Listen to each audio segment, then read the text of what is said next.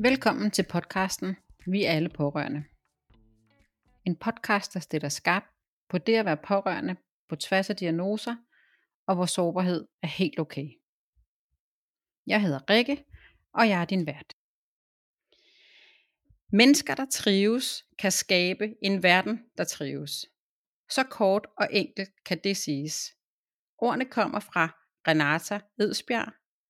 Disse ord er de første, der vil møde dig, når du tjekker ind på hendes web Human Revolution. Vi skal tale fremtid, cirkulær ledelse, indre bæredygtighed og de super seje 12 menneskerettigheder, Human Revolutionary Rights. Renata er organisationsrådgiver, humanist, pårørende og futurist. Vi er på en mission sammen.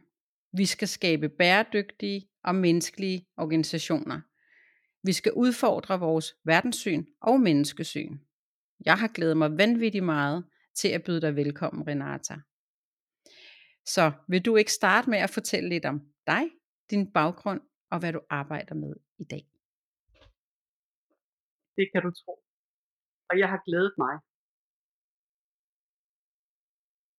Som du siger, så er jeg humanist, og det er humanist af hjerte og sind, og ikke af uddannelse. Men jeg er også organisationsrådgiver, hvor jeg hjælper organisationer med at gøre op med, hvis man kan sige det sådan, gamle organisationsparadigmer, der ikke rigtig tjener hverken menneskeheden eller samfundet længere, og have mod til at tage de første skridt til at gøre noget andet, noget bedre på en ny måde. Jeg har arbejdet med organisationer gennem de sidste 20 år, øh, faktisk som, som leder og som HR-direktør, og siden 2008 har jeg drevet min egen konsulentvirksomhed. Så jeg kender rigtig meget til forandringsprocesser, til ledelse, har mødt ufattelig mange skønne mennesker, som, som jeg bare kan mærke her de sidste år, ja, brænder for, at der skal ske noget andet. Ja, der skal ske en revolution nu, ikke? Der skal nemlig ske en revolution, ja. og som du siger, så er jeg pårørende øh, til et familiemedlem med hjerneskade. Jeg vil også øh, sige, at øh, jeg har haft kriser og sygdomme øh, tæt på mit eget liv. Øh, og det tænker jeg også er vigtigt at sige i forhold til min sådan motivation for at arbejde med, med mennesker og det, jeg arbejder med. Fordi vi alle rammes af kriser. Krise betyder jo vendepunkt. Og det kan være et fantastisk øh, vendepunkt, som kan lære os en masse. Men det kan virkelig også være et vendepunkt, der kan gøre det modsatte. Hvis vi ikke mødes af fællesskabet, af omgivelserne, på en måde, øh, på en menneskelig måde. Ja. Så jeg arbejder i dag med cirkulær ledelse, hvad det så end er, menneskelige organisationer og indre bæredygtighed. Ja. Og det er jo også bare, altså det er jo tre af, af de ting, der også virkelig øh, berører mig og, og, og ting øh, eller og områder der øh, jeg kan mærke i mit arbejde med pårørende og de fagprofessionelle og og, øh, og til vores lytter kan jeg sige at jeg faktisk er ved at blive fa- øh, uddannet i at være facilitator i de her i det her indre bæredygtighed og alt det, det der fører med sig ikke? Ja. så øh, så det kan være at vi skal det kan være at vi skal starte der med lige at dykke ned i hvad hvad det egentlig er vi har gang i ja. her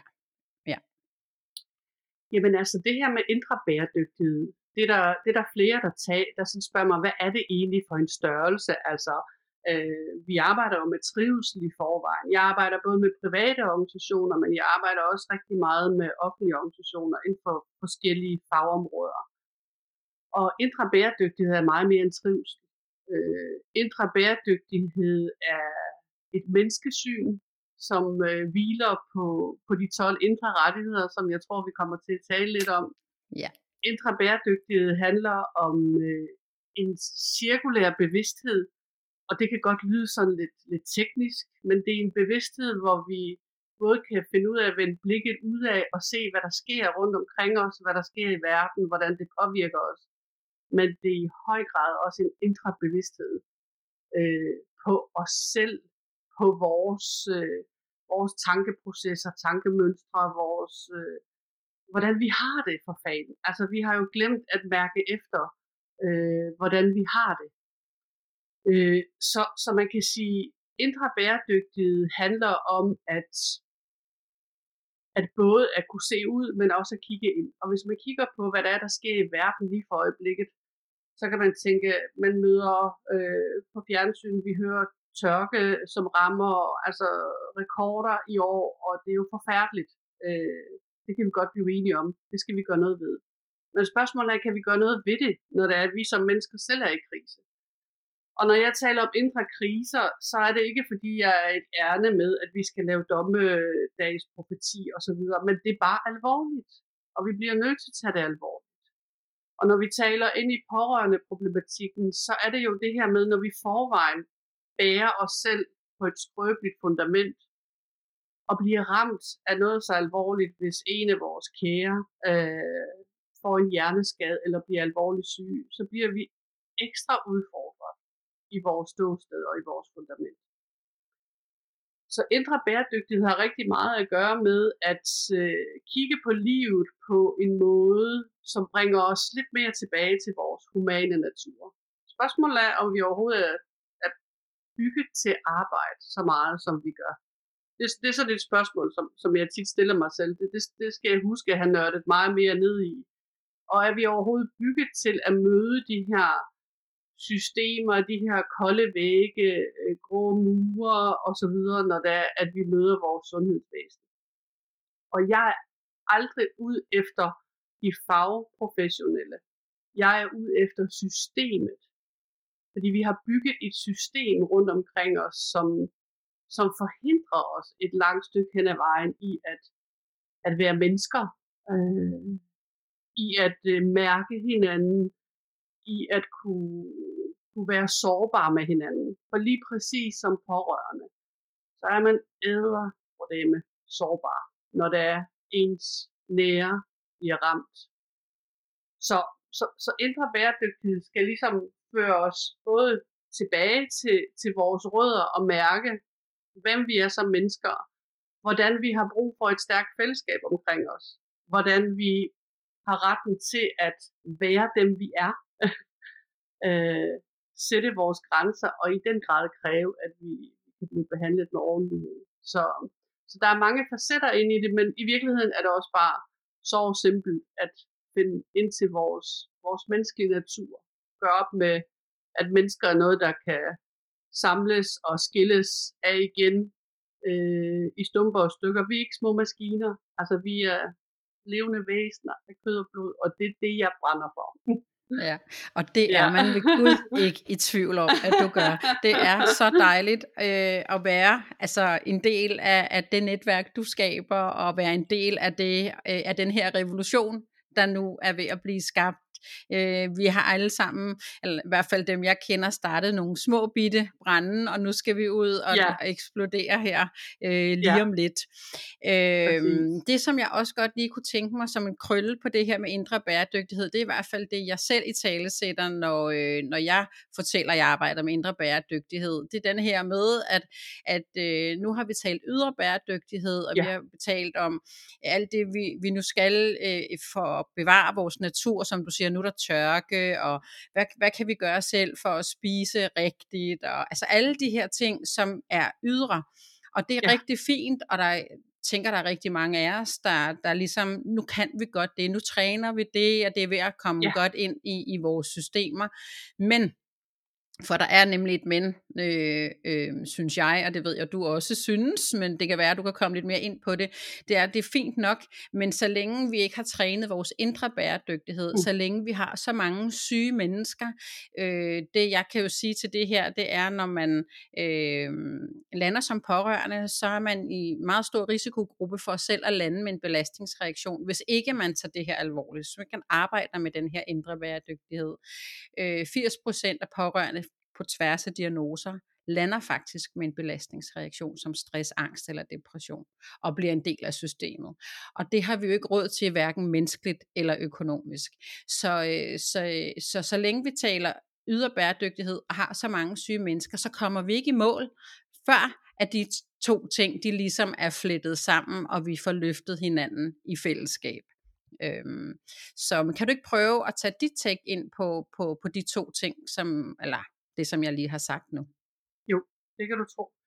Jamen altså, og de tal, som du nævner, Rikke, er jo, er jo skræmmende. Ikke også? Altså man kan sige, at endnu mere, skræ- eller ikke endnu mere, lige så skræmmende er det at kigge på, at WHO har udgivet tal for, at i 2020, der var ved fjerde verdensborger ramt af mentale forstyrrelser, som har noget med stress og øh, derefter efterfulgte depression at gøre. Så vi er bare presset som, som mennesker, og man kan sige grundlæggende det her med, at når det er, at vi er presset, så har vi jo også svært ved at vise omsorg for andre.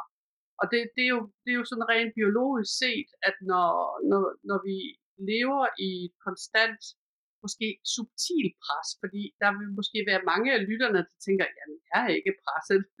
øh, ja, men måske ikke bevidst, men på det ubevidste bliver vi jo presset af af, af, af strukturerne rundt omkring os, af hinanden, fordi vi måske ikke kommer til at kommunikere ordentligt med hinanden, eller tage ordentligt vare på hinanden.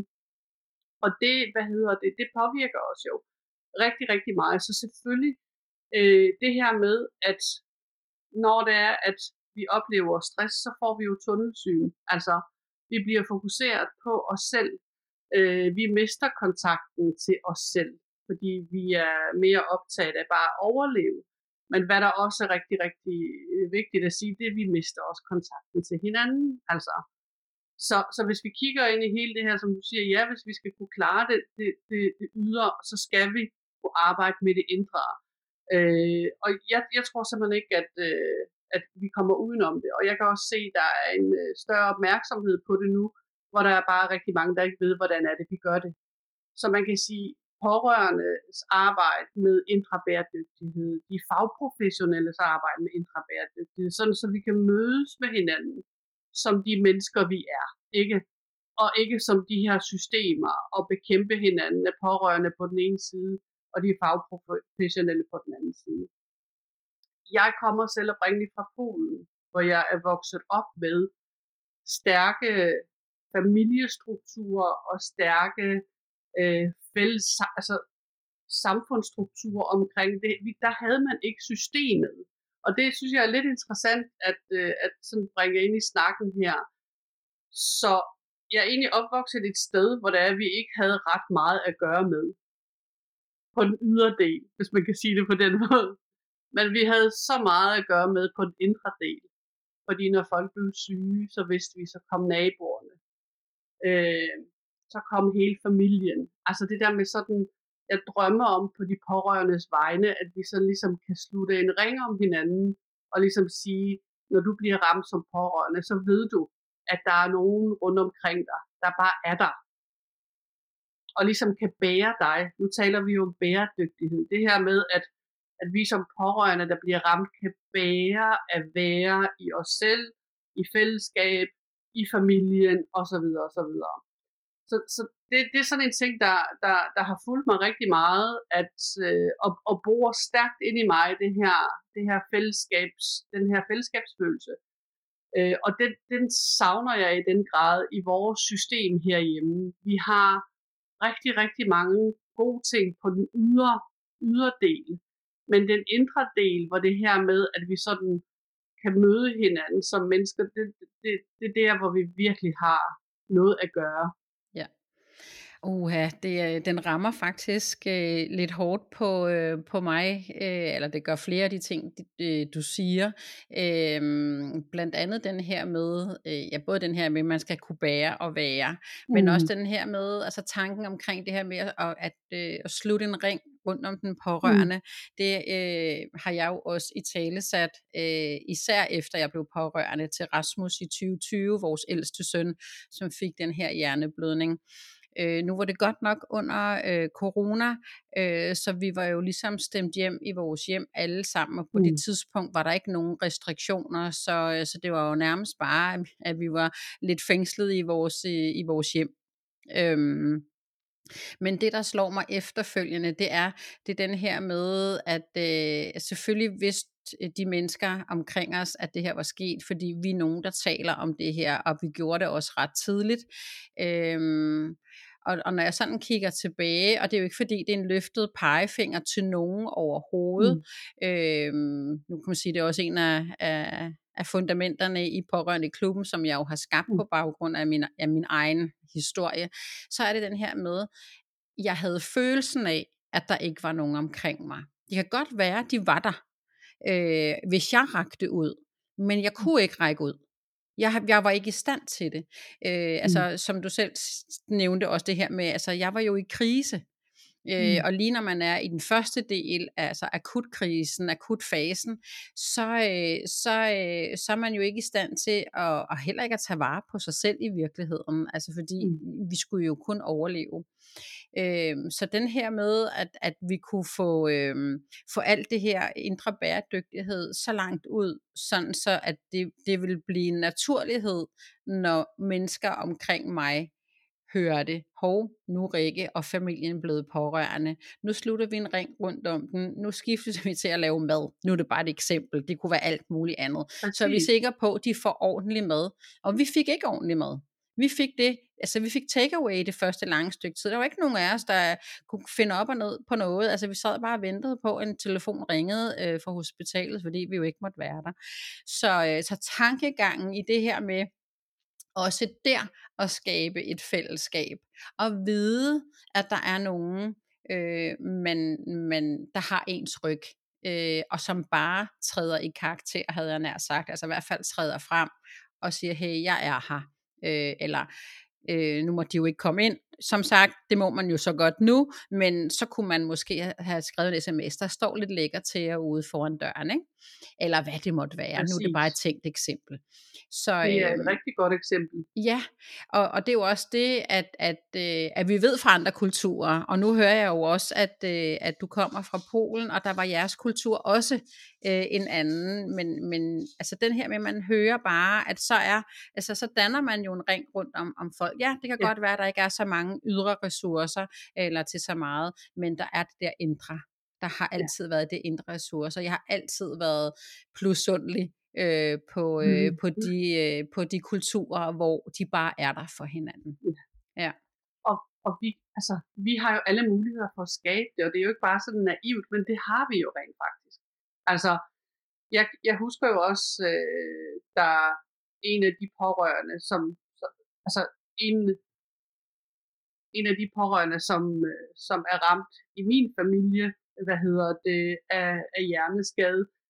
Altså, jeg synes, altså der var rigtig, rigtig god information. Altså du ved det her med, vi som pårørende blev inviteret. Jeg tror faktisk, det var Hjerneskadeforeningen, der lavede sådan nogle informationer. Hvordan er det, at øh, en hjerneskade, øh, hvordan skal man ligesom takle personen? Hvad er det egentlig for nogle nye måder, at vi kan begynde sådan at få nogle oplevelser på, at de reagerer og så videre. Så, så der var rigtig meget information men der var bare ikke noget til, altså hvis man ligesom, vi, er, vi to arbejder jo med det, der hedder MBS, altså at vi har et mind, vi har vores rationelle, vi har vores body, det er vores krop, og så har vi soul, det er vores sjæl, intuition og øh, det spirituelle og så videre. Så blev der bare virkelig talt rigtig, rigtig meget til det rationelle.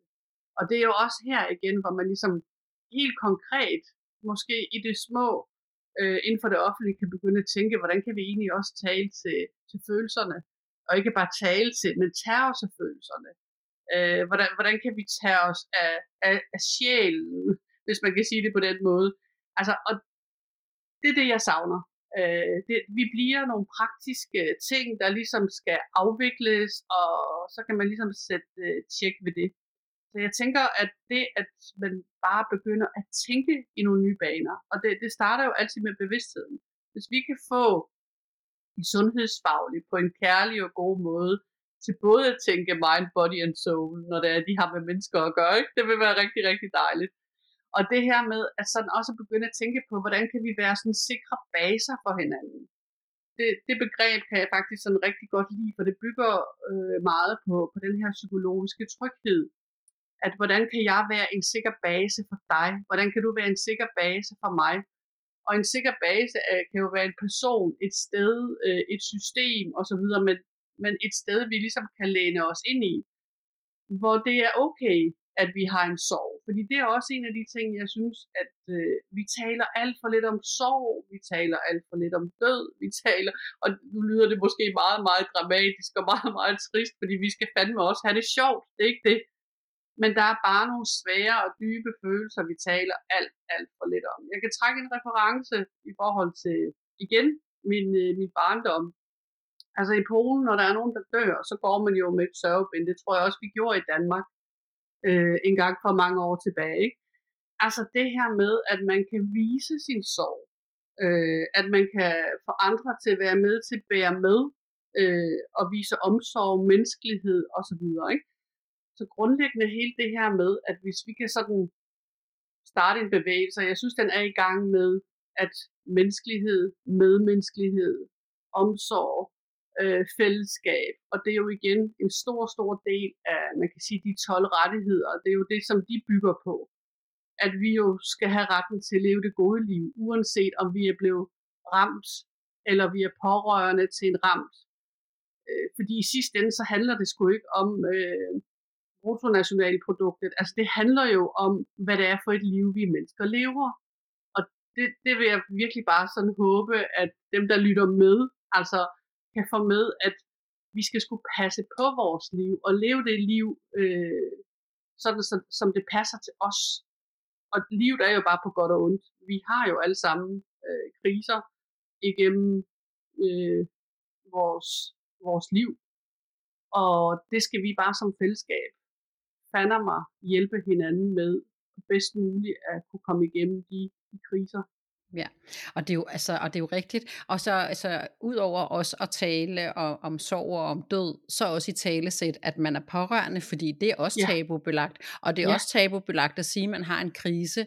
Øhm, vi har effektueret det, som jeg også sagde tidligere, at øh, altså, vi har været meget åbne. Vi er også en familie, som i hvert fald i vores egen familie, øh, er vi inviteret til en fødselsdag og har en dårlig dag, så, kan, så, så har vi ingen problemer med at ringe og sige, at vi kommer ikke, eller en enkelt person bliver hjemme, fordi der er, altså, det er en øvedag, eller hvad det nu måtte være, ikke? Altså ligesom ja. for at sige, men det er okay.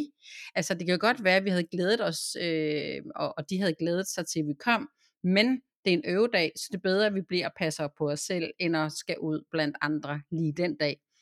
Øhm, og så siger du noget, som jeg, som jeg faktisk også øh, har oplevet netop med Hjerneskadeforeningen. Øh, der er faktisk en tidligere episode med, med Stine, som, øh, hvor jeg egentlig, hvor jeg skriver, eller hvor jeg i tale sætter og skriver, øh, at alle burde have en Stine. Øh, det var inden jeg lærte bodybegrebet at kende i vores fællesskab. Altså det her med, at man har et menneske, som, som øh, står lidt udenfor, øh, og som man ikke behøver at være hverken ven eller veninde med, men man har en relation, som man ved bare står der 114 procent bag en. Det blev Stine, og Stine er faktisk ansat i Hjerneskadeforeningen mm. i dag. På det tidspunkt tror jeg nok, hun var, var arbejdet i, øh, i en kommune, men det er slet ikke det, det handler om. Det, det handler om her, det er, at det, jeg har talt meget med dem om, og også andre pårørende, eller øh, hvad hedder det, patientforeninger, det er, at øh, de har netop de her pårørende tiltag. Det har de fleste, hvor man bliver klog på sygdommen, og hvad man kan gøre, hvis personen ændrer øh, adfærd. Alle de her ting, der kan være omkring sygdommen. Men de har ikke det her øh, take på det, som jeg har, simpelthen, hvordan har du det som pårørende? Hvordan mm. træner vi den pårørende i at være menneske, i at passe godt mm. på sig selv? Altså egentlig lidt den her med at tage iltmasken på, og, øh, ja. før man kan være der for, øh, for nogle andre. Øh, og de har alle sammen sagt, jamen det er også rigtigt, øh, og vi har også vores rådgivning, men der er ikke den samme kapacitet. Så det var jo endnu øh, et head-up til mig om, at pårørende klubben virkelig øh, har sin berettighed, fordi mm. der, der tænker vi på hinanden som pårørende, hvad kan jeg gøre for dig? Mm. Mere end, altså jeg plejer groft sagt at sige, jeg er lidt ligeglad med, hvad du er pårørende til. Det er jeg bestemt ikke. Men i den her kontekst, der vil jeg bare gerne være der for dig. Så hvad kan ja. jeg gøre for dig? Så det, ja. jo, det, og det taber jo også rigtig godt ind i det, altså med indre bæredygtighed og de 12 rettigheder og så videre. Så, øh, så det kunne være, at vi skulle, øh, medmindre du har lidt noget mere til, til, til denne her del, vi snakker om nu. Nej, men jeg kom bare lige sådan til at tænke på, fordi jeg var så lige lidt, lidt ind og kigge, øh, inden vi skulle tale sammen, så gik, du ved, det der, den, den gode gamle Google er jo altid god at lave lidt, lidt research på. Så var jeg sådan inde og kigge lidt på øh, kommuner og så videre. Hvor mange har egentlig en pårørende politik? Øh, og det var sådan lidt sjovt at se, at der, der er nogle kommuner, der har sådan nogle pårørende politikker, som er, er nedskrevet på deres sådan, hjemmeside. Men det, men det, det, der slog mig sådan lidt, det er det der med, altså hvor lidt der igen også bliver talt om menneske. Ikke også? Der var nogle få, der ligesom havde sådan nogle vendinger, som at når man som pårørende bliver, bliver altså øh, når man er pårørende til et ramt menneske, altså så det der med omsorg og kærlig øh, tilgang, at det er noget, som man har brug for. Men det er fandme ikke ret mange steder, det stod. Altså, så jeg tænker også, der er et stykke arbejde at gøre der, at, øh, at få lavet nogle ja, pårørende politikker, eller nogle rammer, eller nogle, nogle kodexer, eller for de der politikker, det bliver også nogle gange sådan noget, sådan noget mind noget, ikke? Altså, og jeg tænker også, øh, jeg sidder også sådan og tænker tilbage på, eller jeg tænkte tilbage på, da jeg jo sad som HR-direktør øh, for en stor virksomhed, øh, der havde vi så godt nok ikke en pårørende politik, men vi var rigtig, rigtig gode til at i det hele taget tage vare om, øh, om mennesker. Men jeg tror, der må, der må være noget der, øh, som, som vi kan blive meget bedre til. At tænke pårørende ind i organisationer, ind mange forskellige steder. Så det sidder jeg også sådan bare lige og bliver lidt inspireret til, at der er en kæmpe opgave for dig der, tror jeg. Ja. Det tror jeg også, og du har fuldstændig ret. Øh, og, og jeg har faktisk i, ja, altså i sidste uge øh, været i dialog med en kommune. Jeg er jo jævnligt i dialog med, med, med kommuner og andre, der, der er interesseret i det her pårørende område og inddragelse og bedre inddragelse osv. Mm. Og, øh, og der får jeg fortalt, at, øh, at øh, nu var det på deres rehabiliteringsområde, at, øh, at hun havde, var dykket ned og ligesom havde set, hvad har vi så af pårørende der, af pårørende politikker der, hvad gør vi for de pårørende der, de er slet ikke skrevet ind i deres, øh, i deres øh, strategi for, hvad, hvad man gør, når, når et menneske øh, lander med, med en eller anden form for, for skade. Ja. Øhm, og jeg har talt med en praktiserende læge, som øh, når hun får et menneske ind, der formentlig er stressbelastet, eller i hvert fald belastet på en eller anden måde, øh, så har hun ikke øh, i sin, altså du ved, de spørgsmål, man ligesom går igennem, øh, spørgsmålet, er du pårørende? Hun har mm. slet ikke tænkt den tanke. Jeg er selv uddannet coach øh, og har en master i stress. I, I vores screening, du ved, når der kommer nogen og skal i et stressforløb, der er ikke et spørgsmål, er du pårørende? Jeg kan se, når jeg kigger tilbage på dem, jeg har haft en til en, og hvor vi ikke ligesom kunne sige, at arbejdet fungerer sgu meget godt, og du er heller ikke ved at blive skilt, og børnene fungerer også. Hvad er det så? de har været pårørende. Så det er jo også den her med at få i tale sat, egentlig bare, det er det ikke, det ved jeg godt, men, men det, så simpelt er det, at, at, at fortælle, at jeg er blevet pårørende. Øh, jeg er blevet kontaktet af to virksomheder, lige præcis med det du siger, hvad kan vi gøre hos os? Nu har vi fulgt dig på LinkedIn. Hvad kan vi gøre hos os, når vi har en medarbejder, der, øh, der lander i en krise og er blevet pårørende. Hvad kan vi gøre for det menneske? Vil du komme ud og snakke med os? Så der er også ved at blive åbnet op for det. Det er jo stadigvæk i det små, og ja, der er et stort arbejde foran, og jeg tager det gerne, meget gerne. Ja. Fordi, ja. øh, det ved du, øh, men også fordi det er så vigtigt, og nu, altså, og igen, øh, så kan jeg se, hvor vigtigt det er at tale den her indre bæredygtighed, for vi taler den jo ikke kun hos dig og mig som mennesker, vi taler den jo også i organisationen. Hvordan, hvordan er jeres indre bæredygtighed på arbejdspladsen? Hvordan, hvad, hvad gør I? Øh, den har jo, det, altså en organisation er jo også en organisme, ikke? Så, øh, så det er super interessant, det du siger. Øh, super interessant. Så, øh, jeg tænker også lige ja. i forhold til det, som du siger, altså, fordi som du siger, det her med indre bæredygtighed, er jo ikke kun i forhold til det enkelte menneske. Indre bæredygtighed, som du siger, er jo også organisation. Det er også, øh, det er også systemet. Altså man kan sige, hvis man sådan på den helt store, øh, Øh, altså så, så kunne man jo ligesom sige, jamen hvor indre bæredygtig er vi i virkeligheden i vores land. Altså man kan jo folde det ud og folde det ned. Øh, jeg tror det her med, at, at vi begynder at, at forholde os til, at mennesker er ikke maskiner, det er step 1, og det lyder sindssygt banalt. Men noget af det, du taler ind i, det er også det her med, det er sådan lidt levn fra vores work-life balance tilgang, ikke? Altså, at vi jo har troet, at mennesker har et liv på den ene side, som er fyldt med relationer, kriser, øh, familie, sundhed osv., og så har vi arbejde på den anden side. Og så har vi ligesom skulle balancere det, ikke? Og det kan jo ikke lade sig gøre. Altså, vi har jo ikke et work, og så har vi life. Altså, vi har jo et liv, og en del af vores liv, der er arbejde osv. osv. Så noget af alt det her, som vi taler ind i omkring indre bæredygtig, som i høj grad også har noget med pårørende at gøre, er jo hele det her opgør med, hvordan vi har set på mennesker. Og pårørende har været en afkoblet del af arbejdslivet, hvis man kan sige det sådan, fordi vi jo har set det som det her work-life balance. Ikke?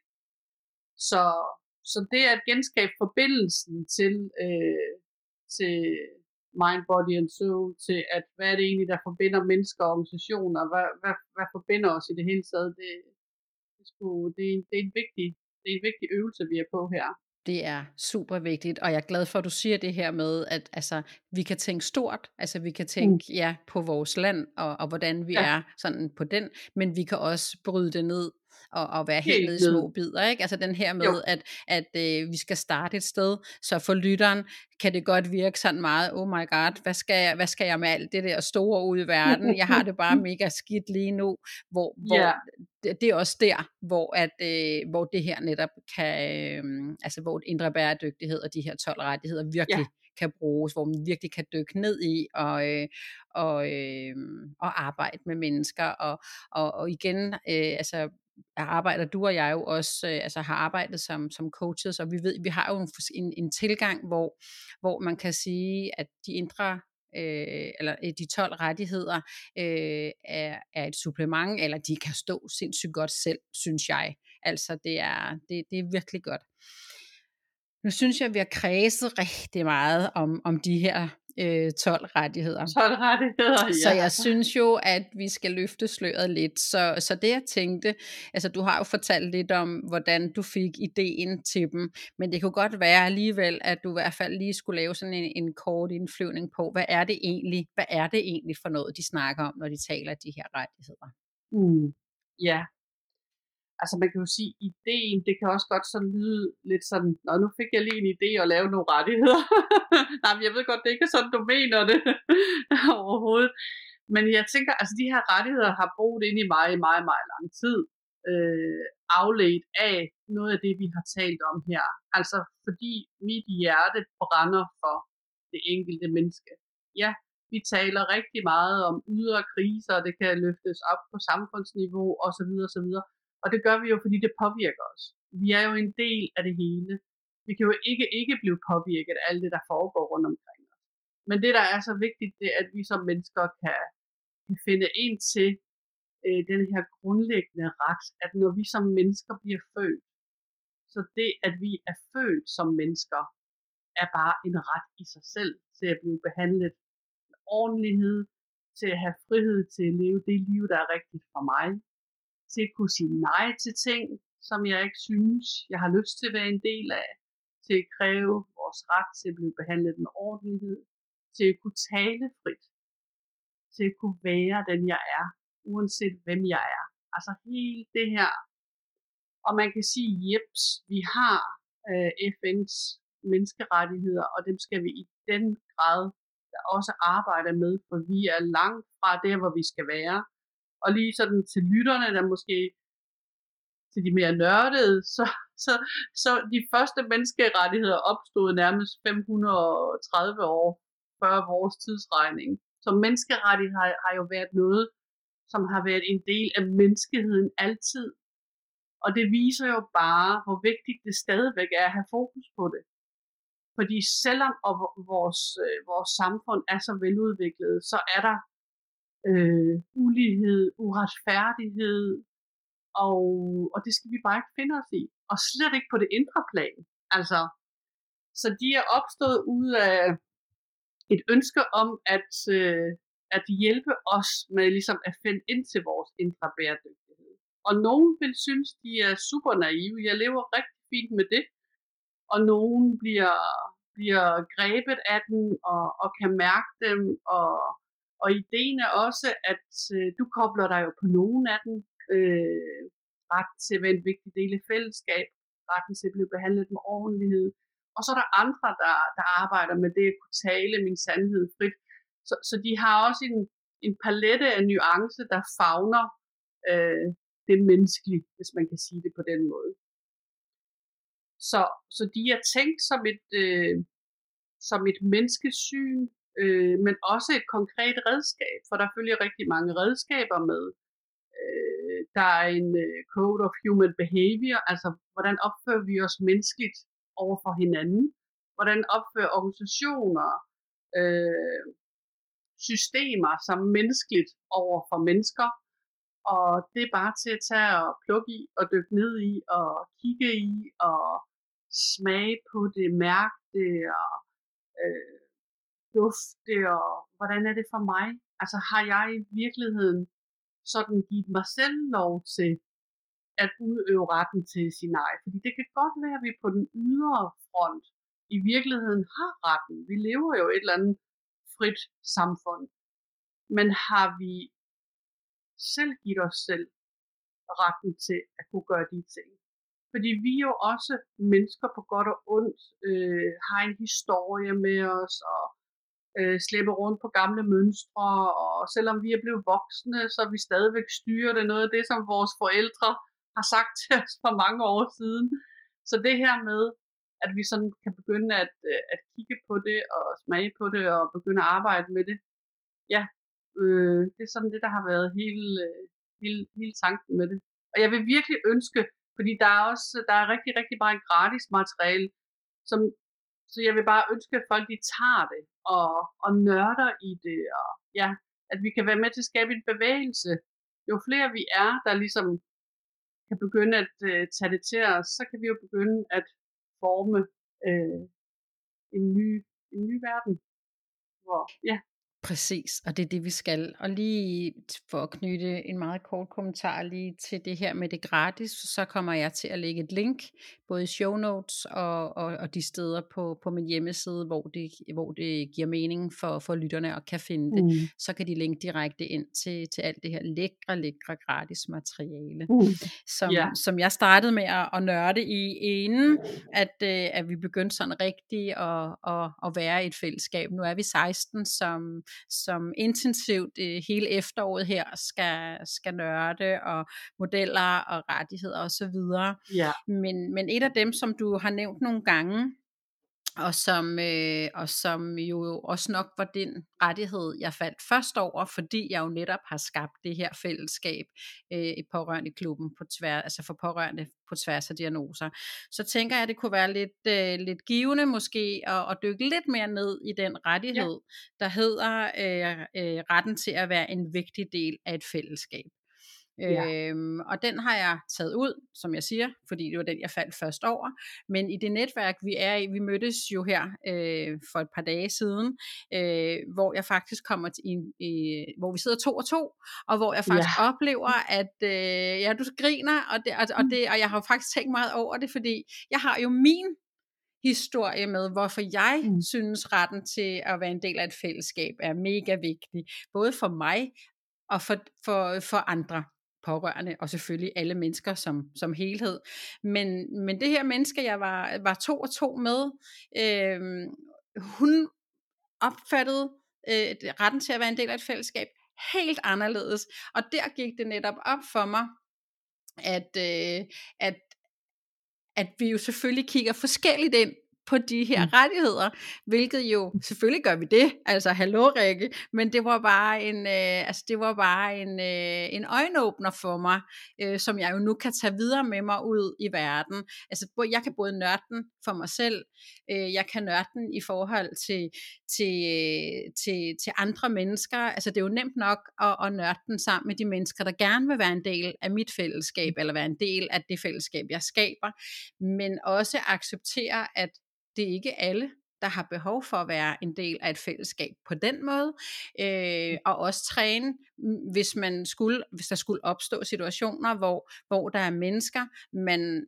man måske har mindre lyst til at være en del af et fællesskab sammen med, at sige, men de har jo også retten til at være en del af et fællesskab. Så, ja. så lige pludselig har jeg bare med den her intro jo nævnt flere forskellige vinkler på, hvordan at den rettighed kan arbejdes med og kan bruges. Men nu kunne jeg godt tænke mig, at du måske så prøver at samle det, jeg lige har sagt, eller sådan den der med. Også fordi vi kan jo både tale den igen som den indre ja. hos mig som person, men også i den organisation, man arbejder i, for eksempel. Ikke? Ja. Præcis. Jamen, det, altså retten til, og det er jo også igen det, der er så sjovt, når du nævner det der med, at du oplever rettigheden på en måde, og den, du havde dialogen med, oplever den på den, på den anden måde. Og så kommer der en ny rettighed, der drøner lige hælene på den der rettighed til at være en vigtig del af fællesskabet. Det er også retten til at være dig. Altså, fordi det her med, at du har din forståelse, og personen havde øh, sin egen, ikke? Altså, og det her med at være nysgerrig på, hvad handler fællesskab om for, for, for de andre, og hvad handler det om for mig? For mig handler det jo rigtig meget, altså jeg, jeg tror for mig er det sådan, jeg har haft det svært ved at føle mig som en del af et fællesskab. Altså jeg, jeg kom jo til Danmark her som bare ni år gammel, øh, boede på landet, øh, en lille bundepige, hvis man kan forestille sig sådan en, kommer her til Danmark øh, og skal se den store verden og falde ind i alt det her, hvor jeg er vokset op i tætte familierelationer og boede på landet, og det hele var nære, og vi kunne bare være, som vi nu var. Og så kom til det her land, hvor alt så anderledes ud. Så jeg tror grundlæggende for mig det her med, jeg kan være en del af et fællesskab og føle mig enormt alene i virkeligheden.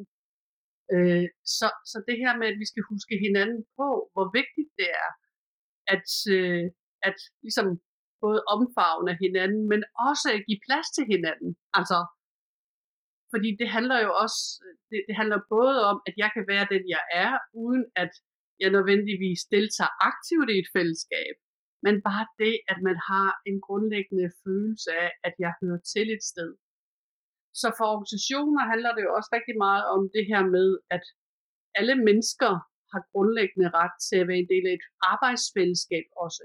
Så når man som en hjerneskadet person måske begynder at komme tilbage til livet igen og kan lidt mere, øh, så synes jeg virkelig, at organisationerne skal åbne dørene op for de mennesker, og skabe nogle arbejdsvilkår, som gør det muligt også for den enkelte at være en del af arbejdsfællesskabet. Så, så den vinkel er der jo også på det.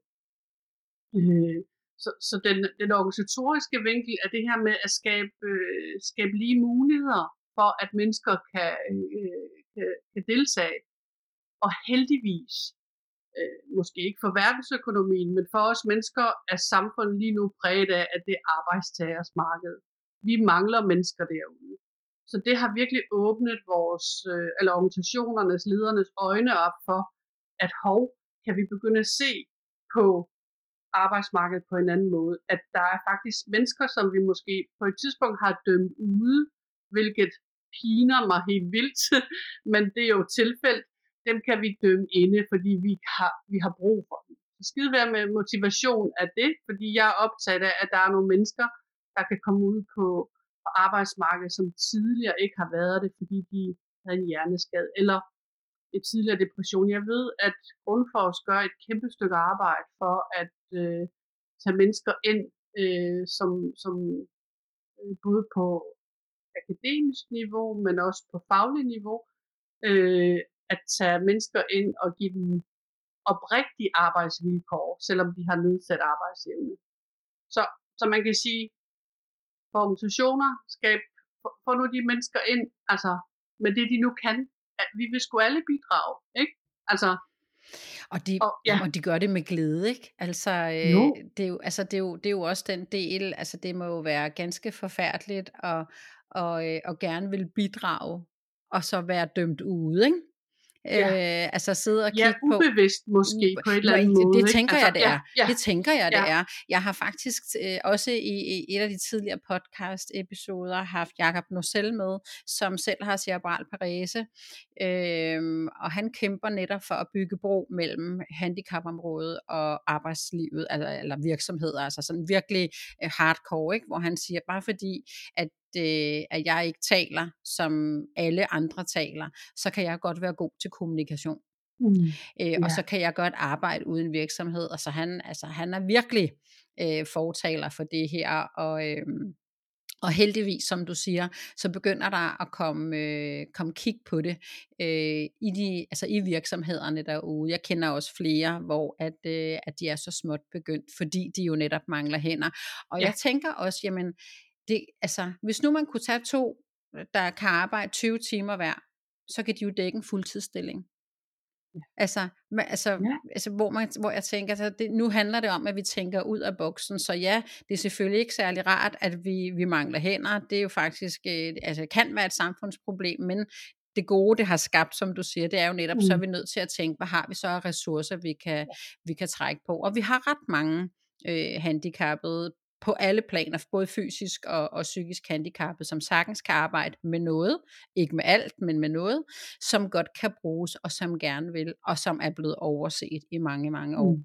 Så, øh, så det er i hvert fald også øh, en god ting, at, øh, og der kan det her jo også være med. Det kan jo også være med ja. til at skabe ja. den her med, fordi det som jeg øh, jo har set, det er, at øh, i, i min lille forretning, der kan, kan det her indre bæredygtighed og de her rettigheder være med til at skabe et fælles sprog mellem fagprofessionelle og pårørende.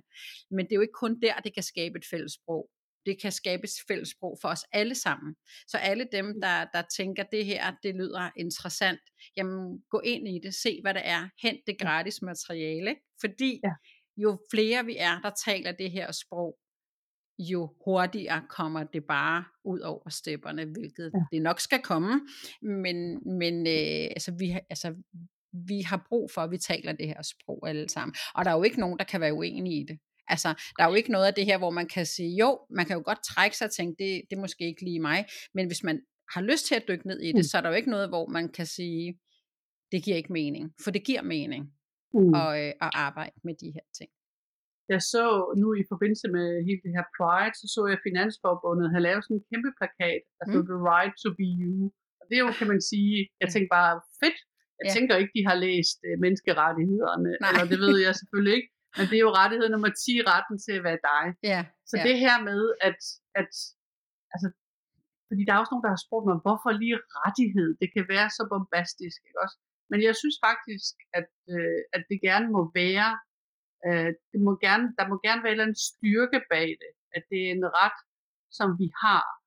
Fordi vi også øh, på en eller anden måde er blevet sådan vant til, at tingene kan blive sådan lidt steg. Altså når det er en politik, eller det er en adfærd, eller nej, det er bare en menneskeret at være en vigtig del af et fællesskab med det, man nu kan bidrage med.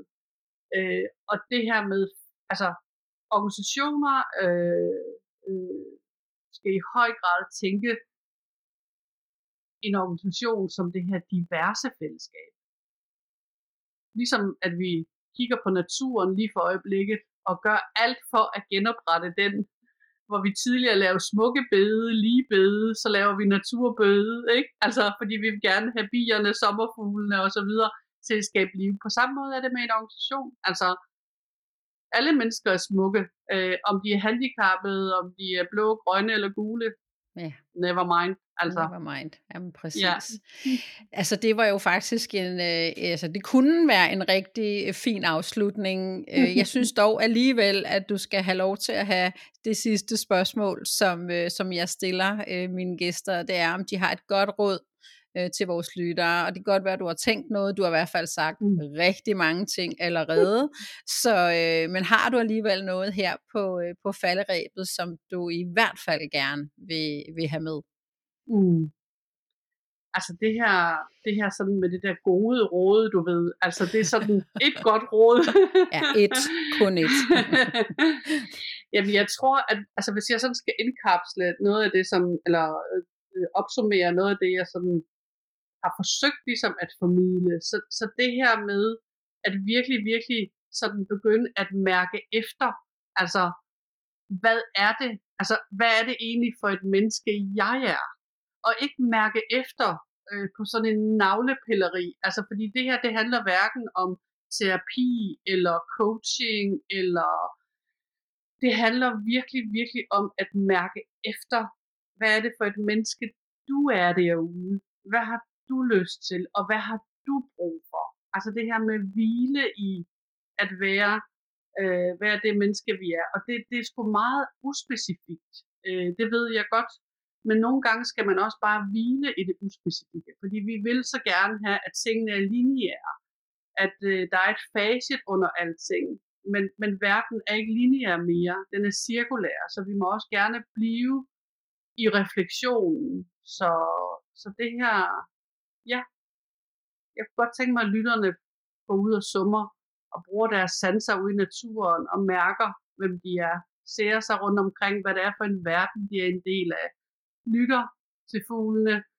Også mærker sorgen der, hvor de måske er i forhold til øh, den krise, de står midt i. Og det er okay. Vi er mange derude, der gerne vil hjælpe og passe på. Så det tror jeg, det vil være det, jeg vil sige.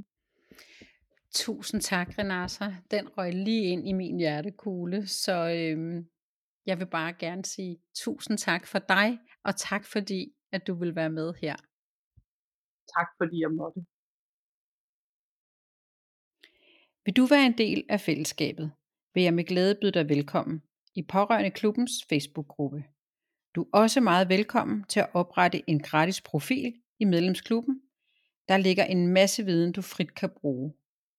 Link til både Facebook-gruppe og medlemsklub finder du på Pårørendeklubbens hjemmeside www.pårørendeklubben.dk. Der ligger også et direkte link i beskrivelsen. Kunne du lide episoden, så giv os gerne 5 stjerner og en kommentar der, hvor du lytter til din podcast. Og vil du være helt sikker på at være klar til næste episode lander, så følg Vi er alle pårørende i din podcast-app. Tusind tak, fordi du lyttede med til denne episode. Vi høres ved.